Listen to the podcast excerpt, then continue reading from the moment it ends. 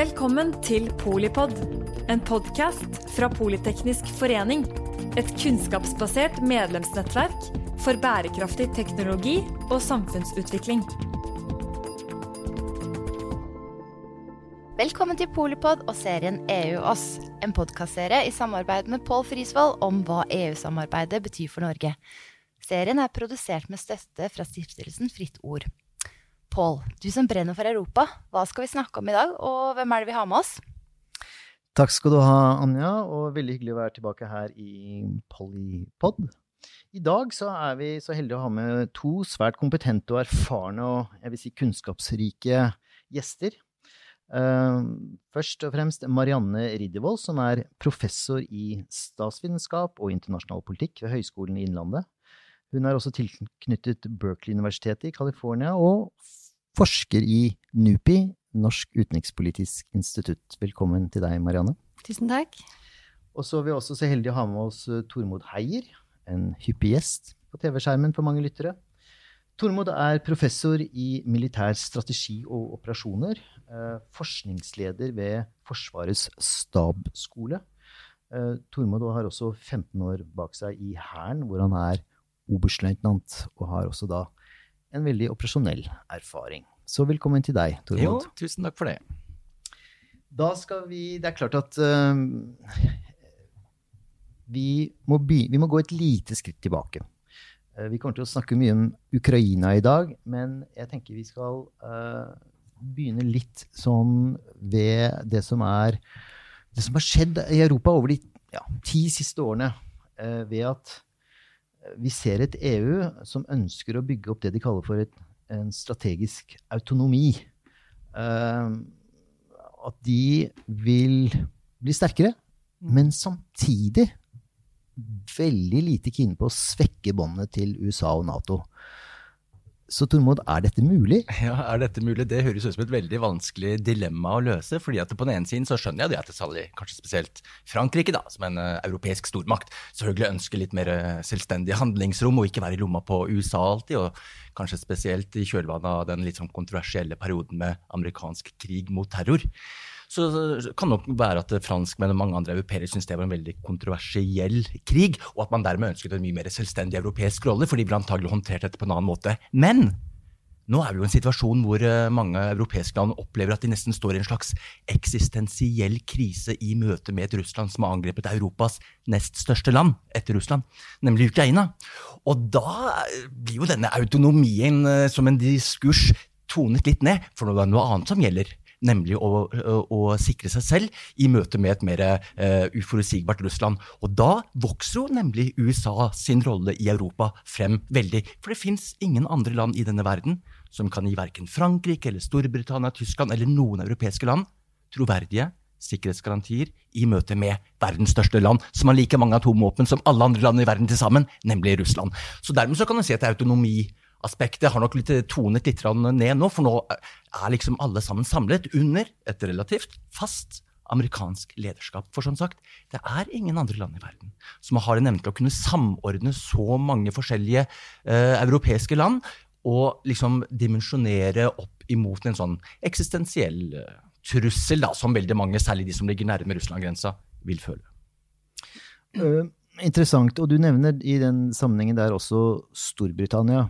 Uh, fordi at, uh, som du riktig påpeker, er Frankrike en relativt stor militærmakt. Tyskland er i ferd med å kanskje bli det, men det er jo Storbritannia som er aller størst.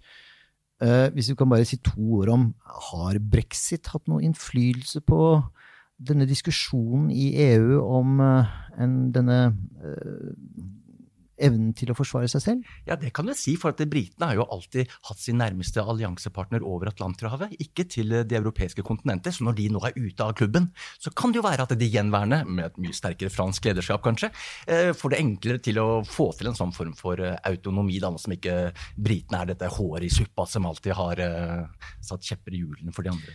Men du sa også noe veldig viktig her, dette med at um, Amerikas rolle, USAs rolle, blir jo sterkere nå fordi at det handler om forsvarskapasitet. Ja, det gjør akkurat det. Så alle de som, eh, Og dette er autonomiaspektet. Jeg tenker at det først og fremst tilhører Frankrike og en del av de statene som ligger langt unna Russland. Men jo nærmere grensa til Russland du kommer, jo mindre fremtredende blir det aspektet, fordi da er det kjøttvekta som rår. Og den vekta den er det USA som dominerer, og ingen andre i Europa.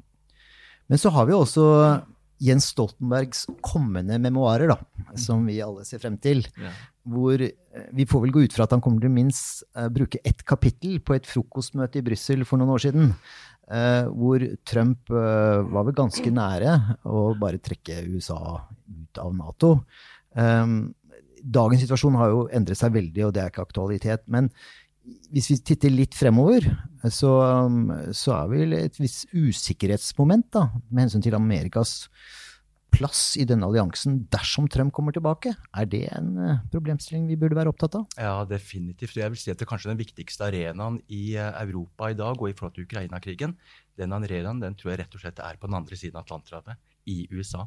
For det utfallet av den kommende presidentvalget i USA med 2024 det kan bli skjebnesvangert for både Ukraina-krigen og hele Europas fellesskap. fordi hvis vi da ser at det kommer en republikansk president til makta, og at det amerikanske lederskapet over Europa i denne krisetiden begynner å forvitre, ja, da vil eh, nok mange europeere begynne å skjelve i buksa. Og kanskje har da eh, Angela Merkel, var vel hun som sa det i sin tid, vi må ta skjeen i vår egen hånd. Eh, Kraae sa jo eh, noen år også eh, tilbake eh, at Nato er hjernedød, ikke sant.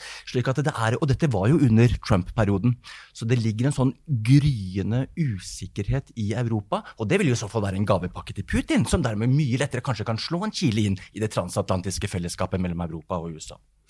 Og da, Marianne, da var vi litt oppe på ditt felt, fordi eh, for oss som har jobbet med EU lenge, så ser vi at eh, altså, Rom var ikke bygd på en dag, og EU var ikke bygd på en dag. Men eh, de har en, eh, en fremgangsstrategi, at de begynner i de små. Eh, Vi ser nå samarbeid på utvikling av forsvarsmateriell, forsvarsforskning osv. Kan du ikke fortelle litt om hva er denne strategiske autonomiens betydning for eh, å bygge opp eh, et Europa som er i hvert fall litt mer kapabel til å forsvare seg selv? Ja, jeg tenker at eh, strategisk autonomi i EU nå kanskje egentlig er to forskjellige debatter. Det er den ene som er, liksom, har vært tradisjonelt også historisk en stor debatt i EU, om hvor uavhengig EU skal være som sikkerhets- og forsvarspolitisk aktør også av USA, hvor mye man skal kunne stå på egne ben. Eh, og der har det jo historisk alltid vært en debatt mellom Frankrike og noen, særlig Frankrike og noen land på den ene siden, og tidligere Storbritannia og etter hvert de østeuropeiske landene på den andre siden, i forhold til hvordan det transatlantiske båndet skal være innenfor denne strategiske autonomien. Eh, og den har jo blomstret opp nå selvfølgelig de siste dagene igjen med Macron, selv om den har ligget stille siden 24. februar, kanskje. Så det, handler, det er en større debatt eh, om hvor uavhengig man skal være, eh, men også eh, et, en debatt om hvor sterk utenriks- og forsvarspolitikk EU skal ha. Og der er det nok en veldig stor grad av enighet i EU, eh, selv om det er uenighet hvor tett man skal følge USA i forhold til Kina osv., om at EU må bli en mye sterkere sikkerhetspolitisk aktør. Og det har vi sett veldig tydelig i forhold til eh, Ukraina, krigen mot Ukraina nå, når den er eskalert eh, fra februar i fjor. Og, Eh, og det handler om både den liksom, kjerne eh, utenriks- og sikkerhetspolitikken, felles utenriks- og sikkerhetspolitikken, FUSP. Eh, men det handler eh, hvor man bygger sterkere forsvarskapasiteter. Men det handler også om etter hvert en del andre områder som man bruker begrepet strategisk autonomi i mye større grad nå, fordi man har sett sårbarheten til Europa i en mer usikker verden som har blitt tydeliggjort av eh, krigen mot Ukraina, men også allerede under pandemien, egentlig, helse. Eh, hvor man ser at man må, for at Europa skal kunne i større grad stå på egne ben på forskjellige områder hvor man er sårbar, så må man bygge et eh, tettere integrasjon eh, og bli mer autonome, som sånn sett kan kanskje være selvberging, på en måte. Og det gjelder Forsvarets sikkerhet, eh, hvor man da også kanskje utvikler seg tettere samarbeid og todeling med, med Nato, det må vi se. Men det gjelder også på f.eks. energi, det gjelder cybersikkerhet, det gjelder kommunikasjon og overvåkning. Et stort område som EU satser på nå, er jo satellittsamarbeid, som skal også knytte til forsvar og sikkerhet, f.eks. Og det gjelder helse, vaksiner osv. Så, videre. så det er et mer nyansert begrep kanskje i dag enn det har vært tidligere. Interessant, for der er du inne på noe av uh, den debatten som jeg føler går veldig sterkt i Brussel. Og uh, Tormod, hva vil du si um, er EUs rolle i å komplettere, altså ikke erstatte Nato, men, men, men uh, være i tillegg til Nato? fordi at det Marianne snakket om nå, er vel kanskje det som vi sier er under artikkel 5. Ikke sant? Og hvordan har dette arbeidet utviklet seg over de siste årene?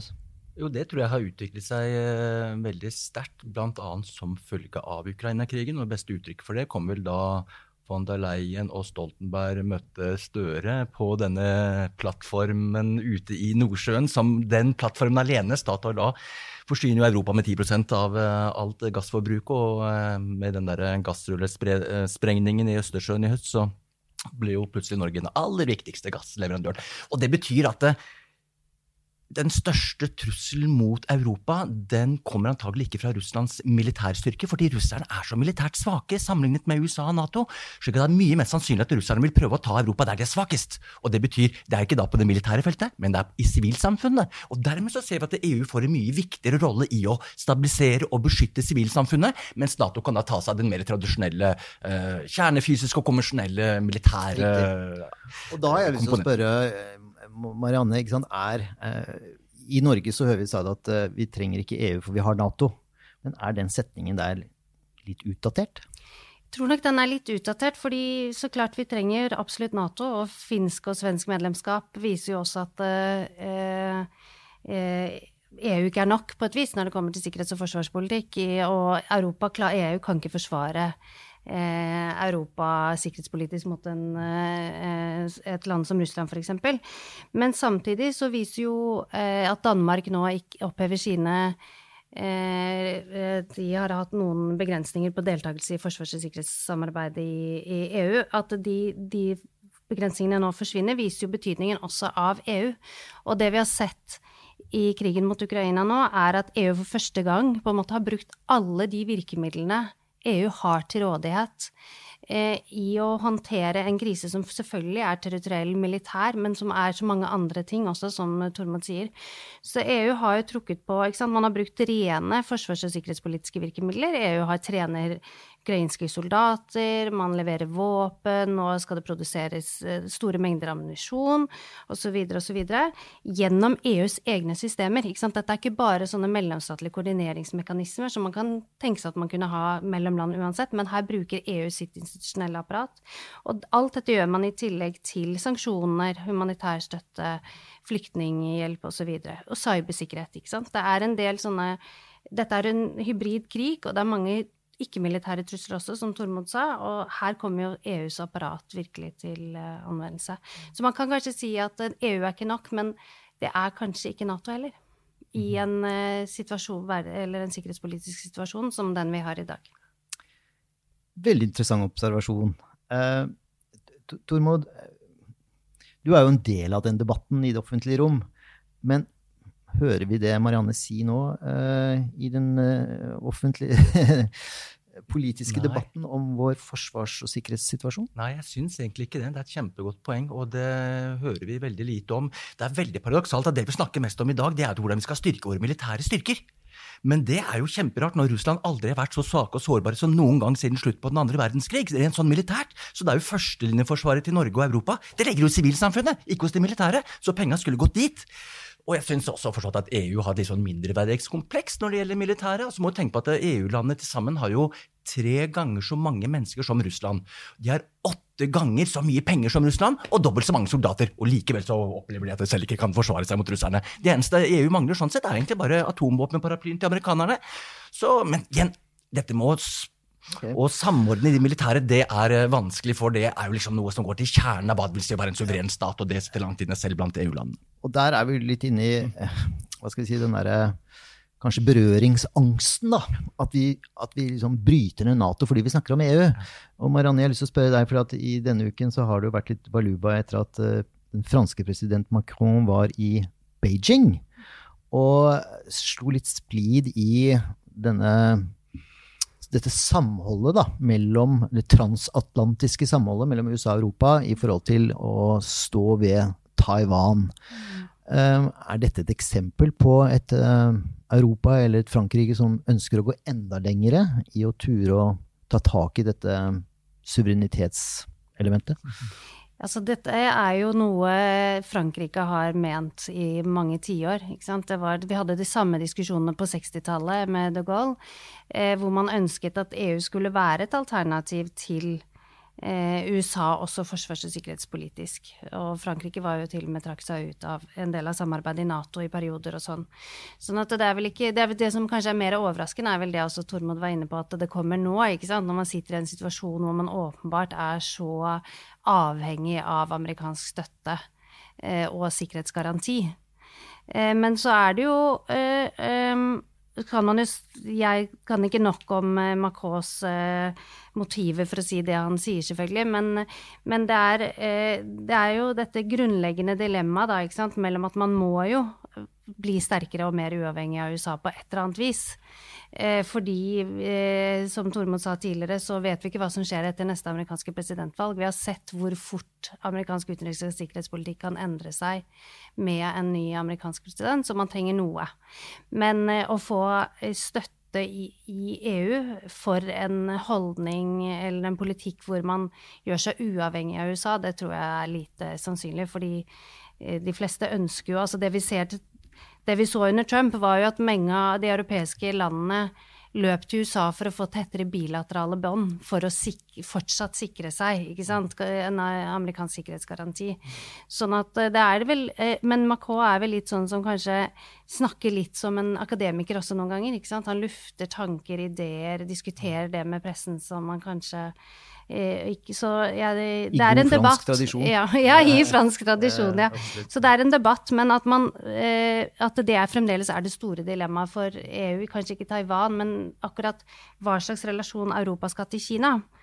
USA har en klar forventning og sier det veldig tydelig at vi forventer at dere følger oss eh, og er vår tette juniorpartner når det kommer til Kina. EU eh, e har veldig sterke handelsinteresser eh, også, og andre, et litt annet syn kanskje på internasjonal politikk på noen områder enn USA har. Så det å finne den balansen er jo en av de store dilemmaene EU står oppe i generelt. Og, og der uh, er det vel også slik at hvis vi hører på Macron prøve å forklare det han sa, da, mm.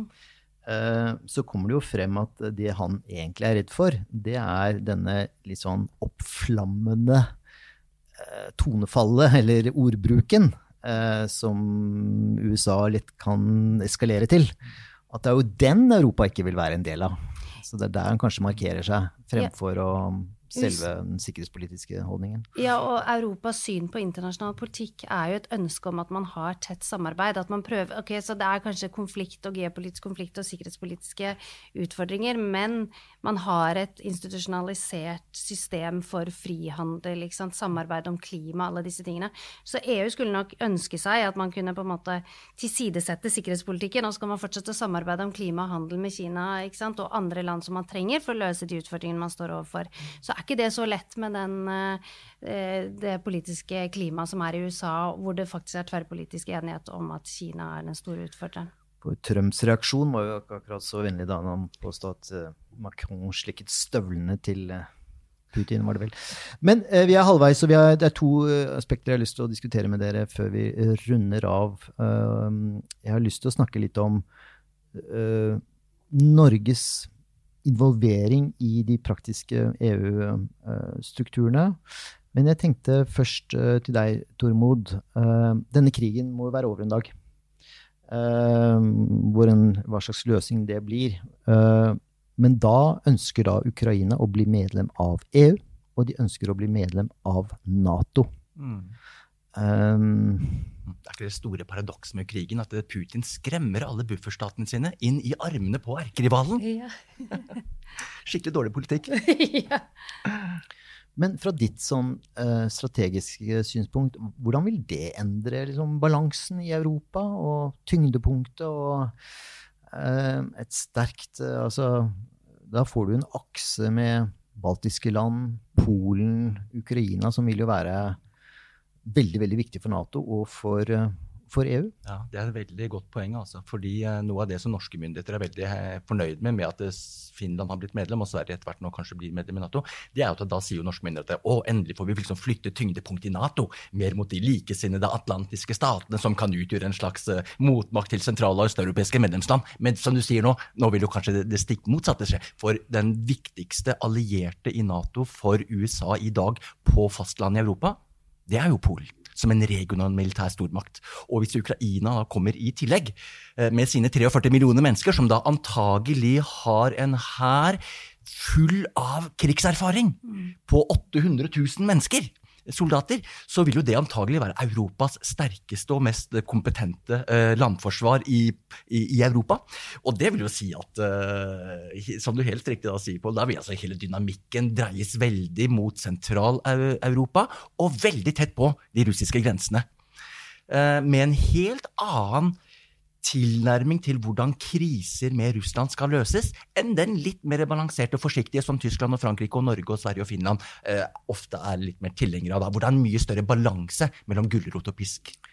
Og Tormod, etter at Sverige og Finland nå blir medlemmer av Nato, så hører vi ofte norske politikere snakke om et nordisk forsvarssamarbeid. Altså, det er jo helt klart at selve forsvarsevnen vår operasjonelt vil jo bli annerledes fordi vi får forsterkninger mye raskere fra mm. våre naboland. Mm.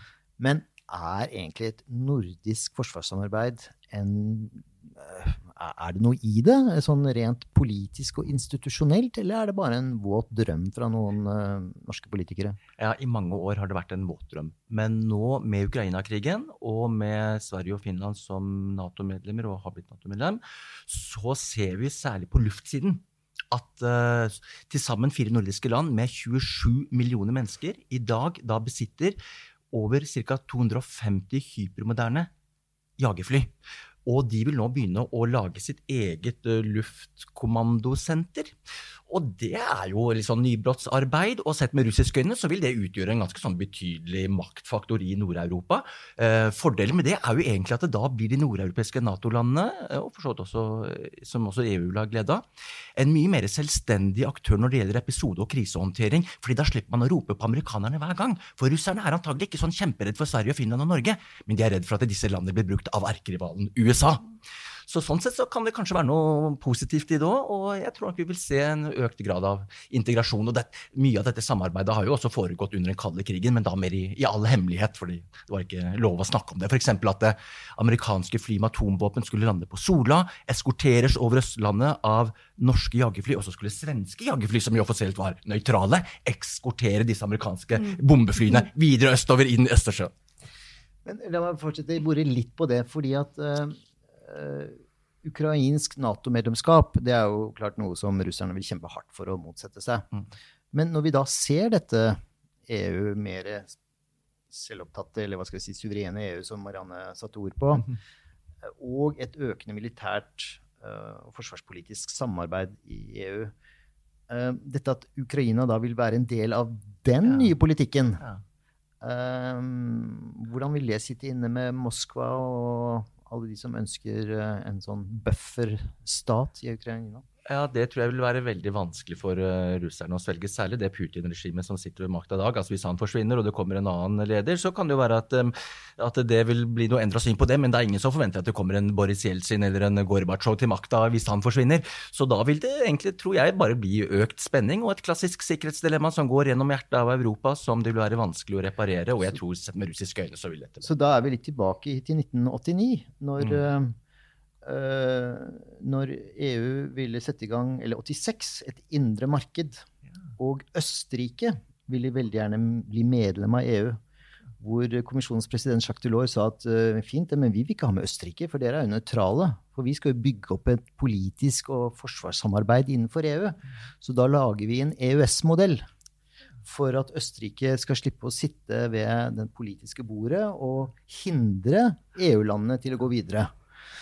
Så um, det var til og med en i Aftenposten, tror jeg, som uh, foreslo at uh, vi burde åpne EØS for Ukraina. Men uh, Gud velsigne dem. Ja, nei, men La oss da gå litt tilbake til Norge og EU, Marianne. Fordi du nevnte dette det faktum at EU har faktisk trappet opp en del konkrete strukturer og samarbeidsformer som vi ikke har sett tidligere. Kan du si litt om hva Norge er med på her? Fordi um, det har jo kommet opp altså, Forsvarsbyrået, Pesco altså det, er, det er en del sånne institusjoner som ligger litt under radaren. Hva er det vi er med på, egentlig? Vi er med på veldig mye i utenriks- og sikkerhetspolitikken. Eh, det er et eget, helt eget system for utenriks- og sikkerhetspolitikk i EU, med egne institusjoner og beslutningsprosesser, eller prosedyrer. Og Norge har da egne avtaler på dette feltet. Så det er på en måte, vi har EØS-avtalen, og så har vi samarbeid på utenriks- og sikkerhetspolitiske områder, som er en sånn annen søyle på et vis som vi har samarbeid med EU om. Eh, hvor man da har bilaterale avtaler. Eh, og det, Norge har, det har vi hatt helt fra dette ble etablert. Eh, på 90-tallet i EU. Så vi har hele tiden deltatt i EUs mange eh, operasjoner, f.eks. Vi har deltatt i mange av dem når vi har kunnet, gjennom bilaterale avtaler for hver operasjon. Og vi har også, da, det, og vi har også nå avtaler om å delta i Altså rent som eh, hovedregel så er det alltid sånn det er ikke engang hovedregel, det er eh, fasit, at Norge prøver å koble seg på å få avtaler på det EU gjør i utenriks- og sikkerhetspolitikken. Så vi har formelle avtaler om eh, da deltakelse i denne eh, operasjonen som driver trening av ukrainske soldater. Vi er med i det som heter EUs forsvarsfond. Eh, vi er med i det som kalles European Peace Facility, som er en samordnings- eller en koordineringsmekanisme, hvor vi da også kan bidra inn med ammunisjon, som du nevnte. Vi har eh, og våpenleveranser. Vi, eh, ja, så vi har også mulighet til å delta i det som kalles PESCO, som er et, en egen samarbeidsform innenfor utenriks- og sikkerhetspolitikken, hvor de land som vil gjøre forskjellige ting innenfor forsvars- og sikkerhetspolitikk, kan gjøre det, selv om ikke alle vil være med. Fordi denne, som jeg sa, det er et eget system, og det er mellomstatlig, i motsetning til alt annet som skjer i EU. Eh, så der har vi også kommet med. Så vi har f.eks. deltatt i et sånn, noe som kalles et uh, militær mobilitetsprosjekt, som EU gjør nå, i samarbeid med Nato. Som også kanskje er et eksempel på Og noen av disse tingene er jo liksom kanskje eksempler på det jeg sa med at uh, EU har en annen institusjonell kapasitet enn det Nato har, fordi det er en etablert og kompleks eh, organisasjon. Altså har et institusjonelt rammeverk, apparat som ikke en mellomstatlig organisasjon som Nato har på samme måte. Så det at man kan ha disse militære mobilitetsprosjektene, lar seg på en måte lettere gjennomføre i EU enn i Nato, men man gjør det i tett samarbeid med Nato. Eh, eller det å kjøpe inn ammunisjon eh, og sette i gang, ikke bare kjøpe ammunisjon, men faktisk bidra til produksjon av ammunisjon gjennom kontrakter. Det er også en ting som på en måte ikke en organisasjon som Nato kan gjøre. Så det illustrerer jo også relevansen. Men Marianne, det høres egentlig ut som vi er mer integrert i forsvars og sikkerhet enn på EØS-området? Er det litt å ta litt hardt i? Ja, det er litt å ta litt hardt i. For fremdeles er det jo, selv om EU nå gjør veldig mye på forsvar og sikkerhet, og de gjør veldig mye som EU er på en måte en krisehåndteringsaktør på ganske mange områder, så er jo kjernen i EU er jo fremdeles det indre marked. Altså, mm. Og der har jo Norge EØS-avtalen, så det er jo der alle direktivene og reglene kommer. Men det som er utfordrende for Norge nå, er jo at eh, mange av disse nye eh, tingene som skjer innenfor forsvars- og sikkerhetspolitikken, enten det skjer så fort at eh, vi ikke helt får oversikt i Norge over hva som skjer. og det også skjer så fort at kanskje ikke EU har tid til alltid til å prioritere å lage nye avtaler med Norge. Men det du sier, Marianne, at det skjer fort, det vil si at det er politiske diskusjoner i EUs beslutningsorgan som fatter vedtak fort? Er det det? Og der er vi ikke? Nei. Det som har, vi har sett en sånn kvalitativ endring i EU eh, de senere, begynte under pandemien, eh, særlig etter eh, krigen mot Ukraina. Eh, at før så diskuterte man i stor grad på de områdene hvor ikke EU allerede er overnasjonalt, har kompetanse som det heter, om man skulle løse utfordringer sammen i EU eller ikke. Nå er det på en måte en selvfølge for medlemslandene at det skal løses i EU, og så diskuterer man ikke om EU skal gjøre, men hvordan man skal gjøre det. Og siden mange av disse krisene kommer på områder hvor EU som ikke er overnasjonalt, så må man lage nye mekanismer. Og da ser vi at EU-landene setter seg ned, eller de sier vi vil ha noe på energi, vi vil ha mer på cyber, vi vil ha mer på eh, infrastruktur. Kritiske råvarer er sånn som diskuteres nå legger det til kommisjonen f.eks. og kommer med forslag til å lage samordningsmekanismer. Og det som er utfordringen for Norge, selv om dette blir litt teknisk eh, på en måte, er, da, er at det er ikke rent utenriks- og sikkerhetspolitikk, men det er heller ikke EØS-relevant. Og da må man lage nye typer bilaterale avtaler, som er vanskelig å se hvordan skal se ut i praksis, og som EU kanskje ikke tar seg så mye tid til å bruke tid på, rett og slett, å få forhandlet frem med Norge. Eh, og som rett og slett ikke står så høyt opp på EUs agenda for tiden. fordi som eh, Tormod sa, så er jo fokuset østover nå for EU. Så, så, det du sier at dette lappeteppet av et forhold mellom Norge og EU, det blir bare større og større? Og så blir det mer komplisert. Ja. Til slutt, Tormod, når vi snakker og hører om alle disse tingene. Fra der du sitter, hvorfor får vi ikke disse tingene mer frem i den offentlige debatten? la meg gi et eksempel. altså all diskusjon om dette i den utvidede forsvars- og utenrikskomiteen skjer jo eh, strengt hemmelig. Eh, vi har noe som heter Forsvarets høyskole. Eh, jeg treffer folk som er der og sier at der er det kun USA, Nato, USA, Nato, USA, Nato. Hvordan kan vi få disse nye elementene, nye perspektivene inn i det derre den tradisjonelle norske setupen da, for å diskutere forsvars- og utenrikspolitikk? Ja, det kan du si. Det er nok tradisjonelt sett i Norge vært en ganske sånn elitistisk og lukket politikkområde. Fordi man har ikke ønsket å signalisere utad, verken til Washington eller Moskva, om at det er uenighet og så tvil om de lange, forutsigbare linjene hos denne lille staten som ligger der og balanserer mellom disse to eh, stormaktene. Så det er nok én grunn. Og så det andre er utelukkende, tror jeg, at vi er helt grunnleggende, i motsetning til eh, våre naboer, grunnleggende transatlantiske. Vestvendte. Og USA er jo liksom vår nærmeste allierte, og vi er jo en veldig viktig amerikansk lytte- og varslingspost og etterretningspost oppe i nordområdene, siden vi bare ligger 20-40 km unna noen av verdens mest avanserte atomraketter, som pga. jordkrummingen har sin korteste flyvetid over til USA. Så amerikanerne, og britene spesielt, er jo veldig opptatt av oss. Og da tror jeg vi blir litt sånn smigret av det. Og siden vi da har sagt to ganger nei til EU-medlemskap, så har liksom aldri det blitt sett på. Og vi har alltid vært veldig redd for at det skal bli en sånn dupliserende struktur som undergraver eh, troverdigheten i eh, forsvarsalliansen Nato.